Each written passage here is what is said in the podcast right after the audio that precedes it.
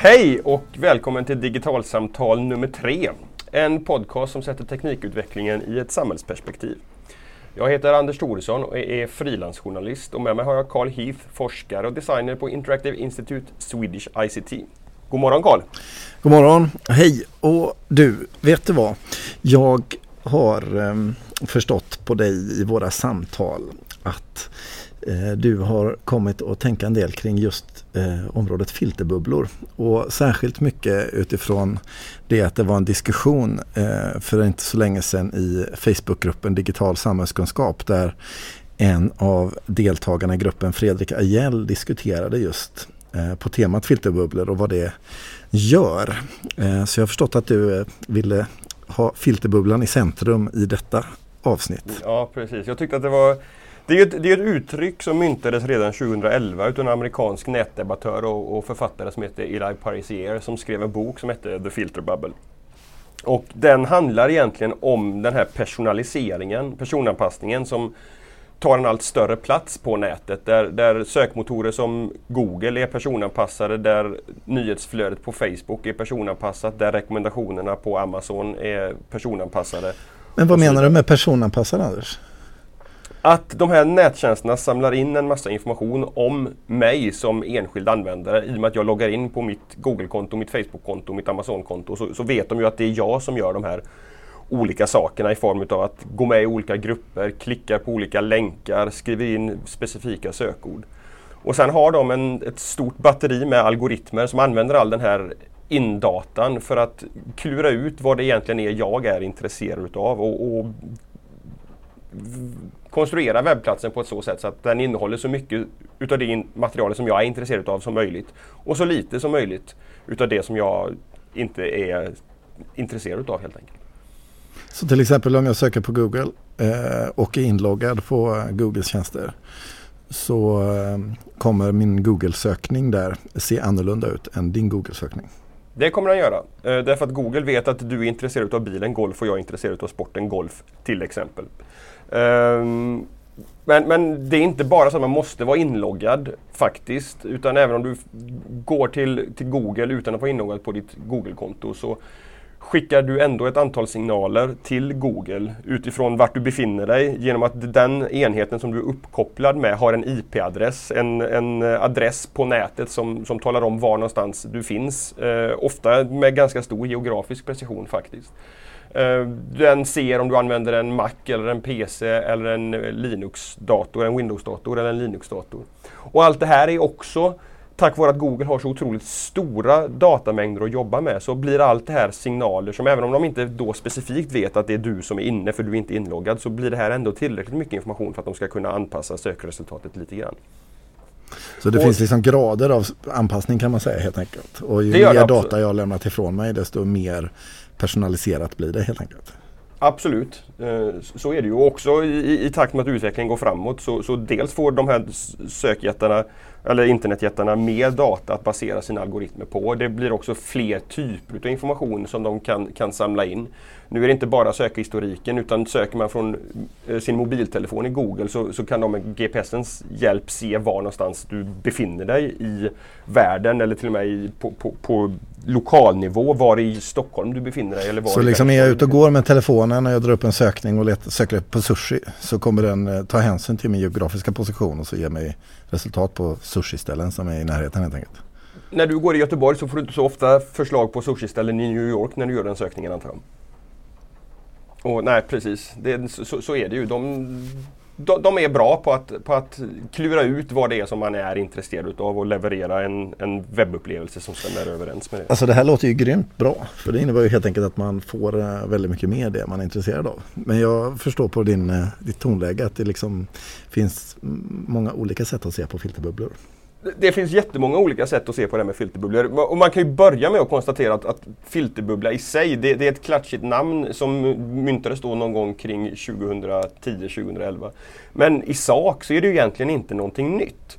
Eh, om man tittar på hur, hur en traditionell morgontidning fungerar så är det också egentligen en form av en filterbubbla där en etta-redaktör sitter på, på natten till nästa dag och väljer ut vilka artiklar i eh, i tidningen som ska lyftas fram på första sidan. Och gör det utifrån en, en tanke om vad tidningens läsare faktiskt är intresserade utav. Det, det är en utav förklaringarna till att en etta på Dagens Industri ser annorlunda ut jämfört med en första sida i Göteborgs-Posten eller New York Times eller Bohuslänningen. Därför att man har en, en tanke om vem läsaren är och eh, vilket material den personen då är intresserad utav. Så att filterbubblorna är inte någonting nytt. Det, det som skiljer då är att de blir mer och mer individualiserade. Att tidigare när det var en redaktör som gjorde ett, ett urval till en, en läsekrets på tiotusentals, kanske hundratusentals läsare. Då, då, blev det en stor filterbubbla. Medan en nättidning idag potentiellt sett skulle kunna göra så som Facebook gör. Att, att samla in så mycket information som möjligt om mig som besökare och därefter välja ut vilka artiklar som ska visas för mig när jag surfar in på den här, på den här webbplatsen. Och jag gissar att Facebook, eller den här filterbubblan då, den gäller ju inte bara innehåll som produceras för mig utan också givetvis reklam. Så är det. Men innan vi, innan vi går in på, på reklamen så du, du frågade är det här bra eller är det här dåligt? Och där tycker inte jag att det finns några självklara svar. Eh, därför att det finns så otroligt många olika typer utav filterbubblor. Eh, och att, att, jag, att Google vet ungefär vad det är jag är intresserad utav när jag gör en sökning hos Google och därmed presenterar ett, ett eh, sökresultat som är anpassat till mig. Det är ju för det mesta någonting som är väldigt bra därför att det gör mina sök mina besök hos Google så korta som möjligt. Det leder så snabbt som möjligt vidare till den typen av information som jag faktiskt är intresserad utav. Och där tycker jag också det är intressant att titta då på, på de här exemplen som Eli Parisier tog upp i sin bok. Um, där, där, just sökningar på Google var ett sånt, sånt exempel som han lyfte fram som problematiskt. Där han hade gjort ett antal experiment bland sina vänner för att se hur sökresultaten skilde sig på olika sätt. Vilket då han tyckte var problematiskt därför att somliga när fick, fick eh, information om eh, resor till Egypten medan andra fick information om arabiska våren som, som träffresultat i, i söklistan. Det är lustigt att när du ger det exemplet för jag prövar faktiskt det exemplet för egen del på mina olika maskiner hemma. Med, där olika användare har olika datorer och fick faktiskt just precis upp det exemplet också i mitt eget fall. Mm. Under den perioden. Men, men, men det som jag tycker då är så fascinerande med just det exemplet och liknande exempel som, som kopplat till sök det är ju att alternativet då till, en, till ett sökresultat som inte är personanpassat, det är ett, ett sökresultat som är lika för alla. Fast man kan ju också se det som en gråskala. Alltså det är frågan hur personligt ska det vara om jag nu skulle liksom ta den positionen.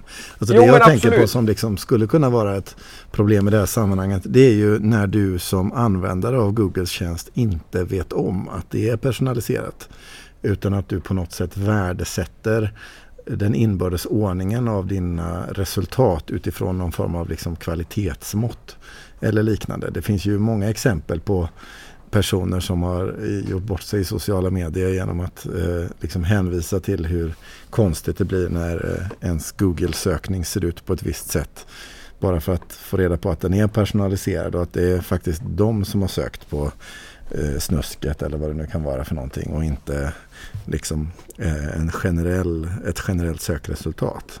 Så, så någonstans så finns det ju en utmaning i eh, vad personalisering innebär i det skedet där man inte vet om eller där man har liksom eh, en avsaknad av källkritik eller vad vi kan kalla det för. Jo, så är det ju. Men, men det tycker jag är en separat diskussion. Därför då, då ska vi prata om att man ska, man ska veta att webben och de här tjänsterna är personanpassade. Och det, och det tycker jag är jättebra. Men alternativet då om, om alla som sökte på Egypten fick exakt samma tio träffar på sin första sök, sökresultatsida. Då skulle vi allihop sitta i en enda gigantisk filterbubbla. Därför vi vet också utav statistik att väldigt få klickar sig vidare och ser vad som finns från träff 11 och framåt i sökresultatet. Medan om du och jag och våra vänner får olika resultat när vi söker, då finns åtminstone en liten chans att vi över en lunch pratar om någonting som vi alla har sökt efter och då kan komma med olika infallsvinklar på det här. Så att jag, jag, jag ser inte att ett, en opersonaliserad sökresultat per definition är bättre än ett personanpassat sökresultat. Utan det handlar, precis som du säger, om en, om en medvetenhet om det och eh, en, en öppenhet för att så här är det. Men det är ju just sökresultat. Sen finns det ju liksom tusen och en andra eh, delar av nätet som också är personaliserade. Precis. Och eh, där det kanske finns, finns liksom andra filterbubblor som är mer problematiska än just sökresultaten. Ja, men, men, det var ju det jag sa, att, att jag tycker inte att det finns en anledning att, att prata om filterbubblan som ett fenomen. Därför att det finns, som du säger, otroligt många olika filterbubblor. Du, du frågar om det här med reklam. Och, och där kan jag tycka att Ja, jag tycker som alla andra att det är ganska lustigt hur man kan söka efter någonting på, på, en, på en webbutik och sen så är följer annonser för just den varan efter den i ett par veckor på, på Facebook och andra sociala medier. Därför att så, så fungerar det. Att man delar information från nätbutiker till annonsförmedlare och så det här som kallas för retargeting, att man får annonser för det som man har visat intresse för och så vidare. Och, och det är också en, en, en, del i den här personanpassningen utav webben. Att, att man anpassar det faktiska innehållet på en webbplats som Facebook, nämligen det som ja, innehållet på Facebook är, är en personanpassning, reklamerna, eh, annonserna på Facebook är en annan personanpassning. Men det är lite intressant, just precis det upplevde jag som ett ganska stort problem i, i mitt eget fall. För att jag eh, under en period eh, använde mitt eget Google-login i min sons eh, dator hemma.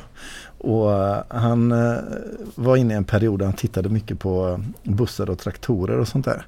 Vilket gjorde att jag helt plötsligt liksom i min Google-profil fick upp reklam över hela nätet på liksom, den bästa busstvätten i Göteborg. Eller hur, vilken buss som är att föredra framför en annan buss om man nu är i, i farten att köpa bussar.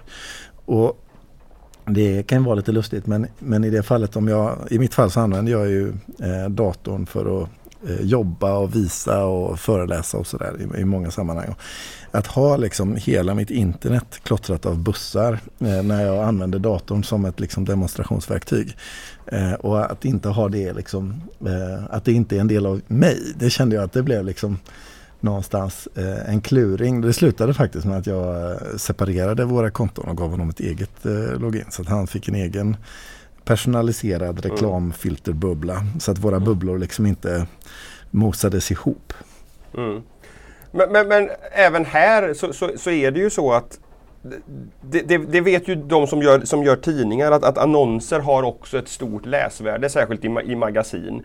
Att, att eh, och, och, där sker också ett, ett urval. Du, du, ser annonser för en viss typ av produkter i en viss typ av tidning därför att man har en känsla för vem läser den här genom olika läsarundersökningar som görs och så vidare. Men, men jag kan känna samma sak här, att, att kan, kan, jag få relevanta annonser istället för orelevanta annonser så är det ju på något sätt någonstans ändå en, en, en förbättrad användarupplevelse utav det jag ser på skärmen. Sen sker ju massa andra läskiga saker bakom kulisserna med hur information om mig är en handelsvara och används på olika sätt. Men, men det, det, är en diskussion som vi kan, som vi kan återkomma till senare. Men det, det som också är intressant här tycker jag, eh, det är att den, den, här tekniken för att lever, leverera ett, ett personaliserat, personanpassat kommersiellt budskap kan ju också användas för att leverera andra typer av personanpassade budskap på, på, samma sätt. Samma grundteknik som användes för att konstatera att jag är en, en man i 40-årsåldern som har intressen utav fritidskläder, fotboll och vissa andra aspekter. Och därmed är jag sannolikt intresserad av de här produkterna. Kan, kan ju användas för att, för att sälja på mig andra saker också. Och jag fick en aha-upplevelse för ett år sedan ungefär när jag läste en artikel, eh, vetenskaplig artikel utav en amerikansk forskare och med reservation för att jag inte riktigt vet hur man uttalar hennes namn. Men Zeynep eh, Tufekis som hette, hade rubriken Engineering the Public, Big Data, Surveillance and Computational Politics. Vi kommer länka till den i show notesen till, till det här inslaget. Men den handlar om hur i USA i de president, senaste presidentvalskampanjerna som har varit där. Och det ska bli intressant att följa hur det blir i den som pågår nu. Men där man i ökande utsträckning använder samma typ utav algoritmer som, som utnyttjas utav kommersiella företag för att leverera kommersiell reklam används för att leverera politiska budskap till medborgarna också. Så hur skulle här, det kunna gå till? Liksom? Här någonstans tycker jag att det börjar bli lite obehagligt och läskigt. Därför att det innebär att det offentliga samtalet inför ett, ett, ett, val plötsligt förändras. Därför att du kommer inte se, om man, om man drar ut liksom linjen här för vad det här skulle kunna innebära, så har vi ju sett hur kommersiella företag tycker att den här personaliseringen är bra därför att du kan tydligare välja ut vem du ska visa annons för. Du, du, du behöver inte skjuta med en bombmatta och, och, hoppas att du fångar in några stycken utan du kan rikta in dig på de som är intresserade. Det politiska partier eh, kan, kan, göra är ju att på samma sätt, menar Senjep då, eh, anpassa sitt budskap. De vet att jag bor i ett, på ett visst ställe Eh, jag är man och ja, samma demografiska liksom, urval. Och därmed är jag antagligen mottaglig för ett politiskt budskap utav den här karaktären. För det är det här som är mina hjärtefrågor. Medan du bor i Göteborg och du har ja, andra ja, Så du tänker liksom att från, från att liksom man står på torget och bara sunerar ut sina, liksom, det här vill vi i vårt parti göra. Så bryter man upp sitt partiprogram och liksom eh, beskriver de olika delarna av sin politiska plattform på mm. väldigt olika sätt beroende på vem det är som är möter det budskapet helt enkelt. Så att det jag upplever vara ett parti och det du upplever vara ett parti faktiskt på något plan inte riktigt är samma sak. Är det så du tänker? Ja men, ja, men precis. Och, och, du kan också hamna i en situation, eh, skriver hon i artikeln, där, där man vet med ganska stor precision vilka individer som kommer vara rädda eh, för, för en viss utveckling och då kan man motivera dem med skrämselpropaganda kring, kring den här situationen och få dem att tippa över att lägga sin röst på ett visst parti till exempel. Och fast det, är det inte det, lite grann samma här, saker som man har gjort tidigare fast bara lite grövre. Alltså att, så här, men vart väljer jag att knacka dörr eh, inför valet? Ja, men då väljer jag kanske de områdena där jag har en idé om att liksom, jag kan faktiskt locka över en eller annan väljare. Och så gör jag ett selektion och ett urval eftersom jag vet att jag inte kan knacka dörr precis överallt. Eh, blir det inte lite grann samma sak då? Det är bara det att det accentueras ändå mycket mer. Jo men så är det ju och precis som med filterbubblan som, som fanns även i morgontidningen men nu är, är mycket kraftigare på, på, eh, på nätet. Så är det ju absolut, det här är ju ingenting i, i fundamentalt nytt. Utan man kan bara med teknikens hjälp göra det så otroligt mycket bättre. Eh, men, men, just när det gäller den, den, politiska diskursen så tycker jag också att det blir det, det blir allvarligare än, än, än, att, att du får se reklam för varor som du är intresserad av och jag får se varor för reklam som jag är intresserad av. Därför att vi, vi, vi missar kanske också möjligheten då att att jag ser ett, ett budskap som jag instinktivt känner att det här kan inte stämma. Eller jag, jag, kan inte argumentera emot den världsbild som, som du får presenterad för dig. Därför att jag vet inte vilken världsbild som de politiska partierna säljer in till dig. Därför att det, det, det är det bara du som vet. Alltså det är lite intressant för det dyker också upp eh, ett antal tjänster som försöker just eh, belysa och visa på komplexiteten av liksom olika typer av politiska uppfattningar och hur eh, politiken tar sig olika uttryck i sociala medier till exempel och liksom försöker kan man säga visa eh, filterbubblan eller alla de här olika filterbubblorna. Ett sånt verktyg jag tänker på nu som vi också länkar till i show notesen det är inför eh, klimatkonferensen som ett antal forskare inom digital diplomati jobbar med visualiseringsverktyg, i det här fallet för Twitter. För att just kunna visa upp hur samtalet går och vilken, vilka liksom, politiska uppfattningar som finns i vissa, vilka grupper och så vidare. Och där det kan vara svårt för den enskilde att se de här mönstren eftersom jag har valt att eh, lyssna på ett antal politiker på Twitter eller så kanske jag inte alls är på Twitter. Eh, men den här typen av eh, verktyg eh, finns också så att säga för att hjälpa oss att kunna så att säga titta utanför vår bubbla just när det kommer till politik. För att kunna förstå ett sammanhang bättre. Så det, det, det, det är intressant att eh, det dyker upp liksom en dragkamp någonstans också med hjälp av de här teknologierna. För liksom hur gör man för att få eh, individer eller strukturer att synas eller döljas och så vidare. Mm. Sen kan man fråga sig då, finns filterbubblorna överhuvudtaget? Eller sitter vi här och, och, och liksom bara pratar om, om teorier som ingen, som ingen har bevisat? Men, men där var det en, en grupp forskare som, som är eh, anställda på, på Facebook förvisso som i, i våras publicerade en, en studie Delvis antagligen som ett, som ett svar på de här diskussionerna om huruvida Facebook är en, en, en ska, skadlig miljö tack vare sina filterbubblor eller inte. Eh, där, där, de hade försökt, de hade tittat på, på drygt 10 miljoner Facebook-användares flöden och, och, på olika sätt analyserat vad de fick se. De hade först kategoriserat de här i, med, i, i olika politiska fack utifrån hur de hade fyllt i sina egna profiler. Så att man hade liksom en, en demografisk bild av vilka de här 10 miljoner användarna var. Och sen hade man också tittat, eh, klassat den informationen som dök upp i deras, i deras flöden. Och det de kunde konstatera då var ju att den algoritmiska eh, filterbubblan så som vi har pratat om den här, att där, där, datorerna väljer ut vad som ska se och därmed också väljer bort vad vi inte får se, den, den existerar absolut. Men det finns också, åtminstone i de här sociala nätverken, andra aspekter som faktiskt väger tyngre. Och det visar sig att um, flödet, när, när, när, när, någonting, när jag får se någonting på, på, i Facebook. Det bygger på att först ska någon av mina vänner ha valt att dela en länk. Och i nästa steg så ska Facebooks algoritmer välja huruvida den här länken ska visas för mig eller inte. Och i det tredje steget så ska jag övervinna mitt eget filter in i min egen hjärna och välja att klicka på den här länken eller inte.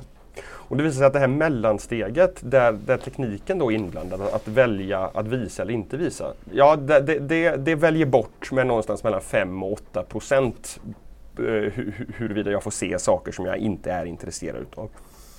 Medan eh, vad, vad, mina vänner väljer att dela och vad jag faktiskt väljer att klicka på själv väger ännu mycket tyngre. Och det är också intressant att tänka. Så det vad du tänker där är att liksom just vad gäller Facebook där har man liksom flera lager av filter. Dels har jag filtret vilka är mina vänner.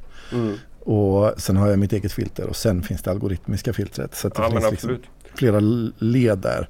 Ja. Och det kan man ju se också att eh, jag har själv eh, råkat ut för situationer om man nu pratar filterbubblan på Facebook där jag har vänner som jag har en ganska eh, olika uppfattningar om. Men där jag gillar att umgås med dem just av det skälet att vi eh, faktiskt inte tycker lika.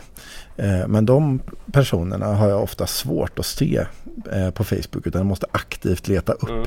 för att kunna ta del av eh, det budskapet som de har. Men det bygger ju på att jag liksom gör mig själv medveten om det. Så någonstans så är ju inte än så länge algoritmen tillräckligt bra för att veta när jag uppskattar saker som jag inte uppskattar. Nej. Helt enkelt.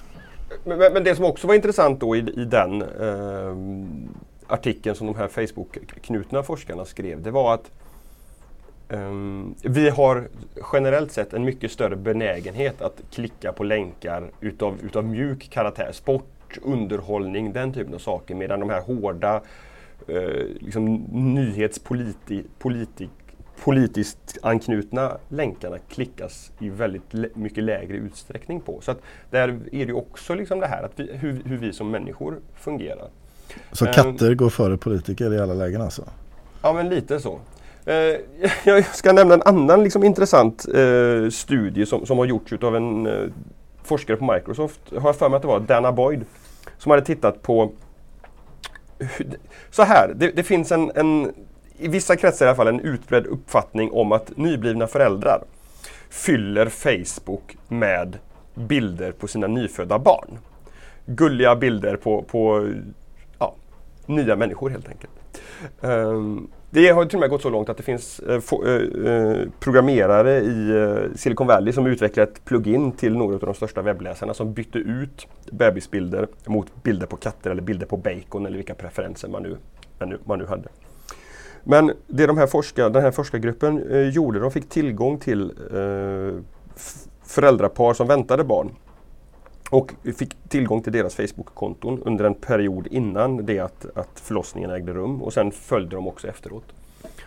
Och Det visade sig då att, att nyblivna föräldrar drar ner överhuvudtaget ganska kraftigt på sin sociala mediekonsumtion precis när de har blivit föräldrar. Inte särskilt konstigt med tanke på att barnet faktiskt tar väldigt mycket tid.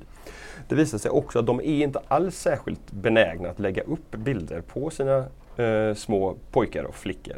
Utan det som händer istället är att Facebooks algoritmer väljer att lyfta fram de här bilderna i flödet. Därför att det som händer när en nybliven pappa eller mamma lägger upp en bild på sitt barn det är att ett ganska stort antal av vännerna väljer att trycka tumme upp på den här bilden eller att kommentera bilden. Vilket då är signaler till Facebooks algoritmer om att det här är ett innehåll som är intressant. Och Okej, så det är liksom det crowdbeteendet, att alla vill lajka och kommentera som driver upp det, inte frekvensen Precis. på delandet. Precis. Precis. Och, och det, det, som jag tycker är intressant med det då, det är ju liksom att, att här finns det då människor som går runt med eh, och är irriterade på sina självupptagna eh, vänner som just har blivit föräldrar och fyller Facebook med bilder på bebisar. När det i själva verket är då utvecklare på Facebook som man möjligen ska rikta den irritationen mot istället därför att de har skruvat på algoritmerna på det här sättet. Men det är också ett, ett konkret exempel på hur den här filterbubblan fungerar. För det är ju också så då att för varje bebisbild som, som Facebook faktiskt väljer att visa för mig så väljer de bort någonting annat. Det, det är också en del i det här i den här filterbubblediskussionen. Det handlar inte bara om vad jag får se utan det handlar också om vad får jag inte se på bekostnad av det som tjänsten faktiskt väljer att visa för mig. Och på den eh, tangenten så tänker jag att det är ju någonting som är betydligt svårare att ha en relation till.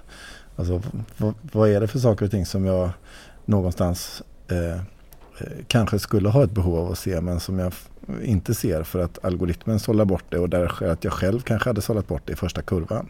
Men mm. alltså det här liksom långsiktig och kortsiktig gain till exempel. Vad är det som eh, för information eller sammanhang och sånt där som jag borde vara en del av men som jag algoritmiskt och av mig själv liksom hjälper till att inte ta reda på. Om det nu är så till exempel att eh, svårare nyhetstjänster eller nyhetsinformation eller, eller den typen av länkar blir klickade på betydligt mycket mindre än katter till exempel. Eh, vad är liksom konsekvensen av det i relation till sådana saker som eh, en pågående klimatförhandling till exempel. Mm. Det, vad, ja. Ja, vad, vad, vad, tänker du om det då? Ja, det jag tänker någonstans det är ju att eh, vi bygger tjänster och bygger sammanhang just för att vara sociala och just för att eh, umgås och eh, ta del av varandra och eh, Facebook och andra eh, känner en fet hacka på att vara det navet och det sammanhanget som skapar det här sociala rummet. Men det är ju viktigt att liksom någonstans bli medveten om att det är ett socialt rum i första kurvan. Mm. Eh, mer än vad det är andra typer av rum, helt uppenbart. Mm. Eh, I den här diskussionen kring det här som, som var i Facebookgruppen Digital samhällskunskap så ställdes ju frågan vad, vad, kan man göra för att hantera det här som enskild internetanvändare? Och det, det är ju delvis det, det som den här Facebook-studien då eh, tyder på. Att, att vad, diversifiera sina vänner helt enkelt. Att, att se till att att, att inputen till de här algoritmerna inte bara innehåller sånt som jag är intresserad utav utan sånt som jag kanske faktiskt, eh, ja, att det kliar lite grann när jag, när jag läser eller tar, tar del utav det. Att se, alltså, att se till att den typen av innehåll kommer in till algoritmerna och det, det gör de genom att Faktiskt att man, att man, som du säger, att du har vänner som du tycker om att umgås med just därför att ni stöter och blöter era, era åsikter lite grann mot varandra. Sen kan man ju också då, eh, när vi pratar om, om, sökningarna, så kan man ju prova att göra en sökning både på Facebook, eller både på Google och på DuckDuckGo eller Bing till exempel för att se, får jag olika träffar? Finns det, finns det olika sök, sökresultat? Eh, ser, ser sökresultaten olika ut på något sätt?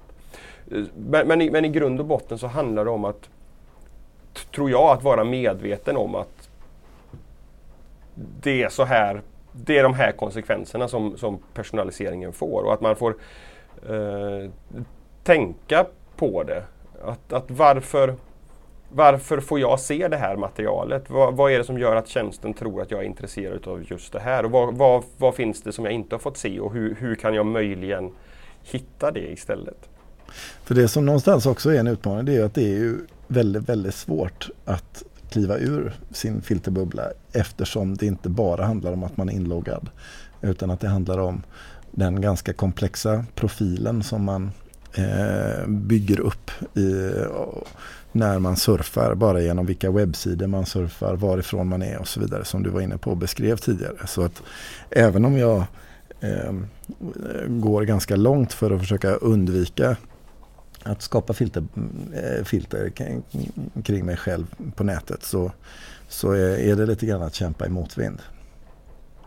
Ja, så är, så är det ju. Samt, samtidigt som jag också då tycker ändå att det är viktigt att komma ihåg någonstans att, att det är inte ett helt nytt fenomen. Eh, Nej, och att det väldigt ofta faktiskt är till fördel för oss när vi söker eller letar efter saker mm. eh, eller tar del av information på många olika sätt. Mm. Eh, vi närmar oss 30 minuters strecket och jag tror att vi drar ett streck i det här avsnittet utav digitalsamtal också som var samtal nummer tre.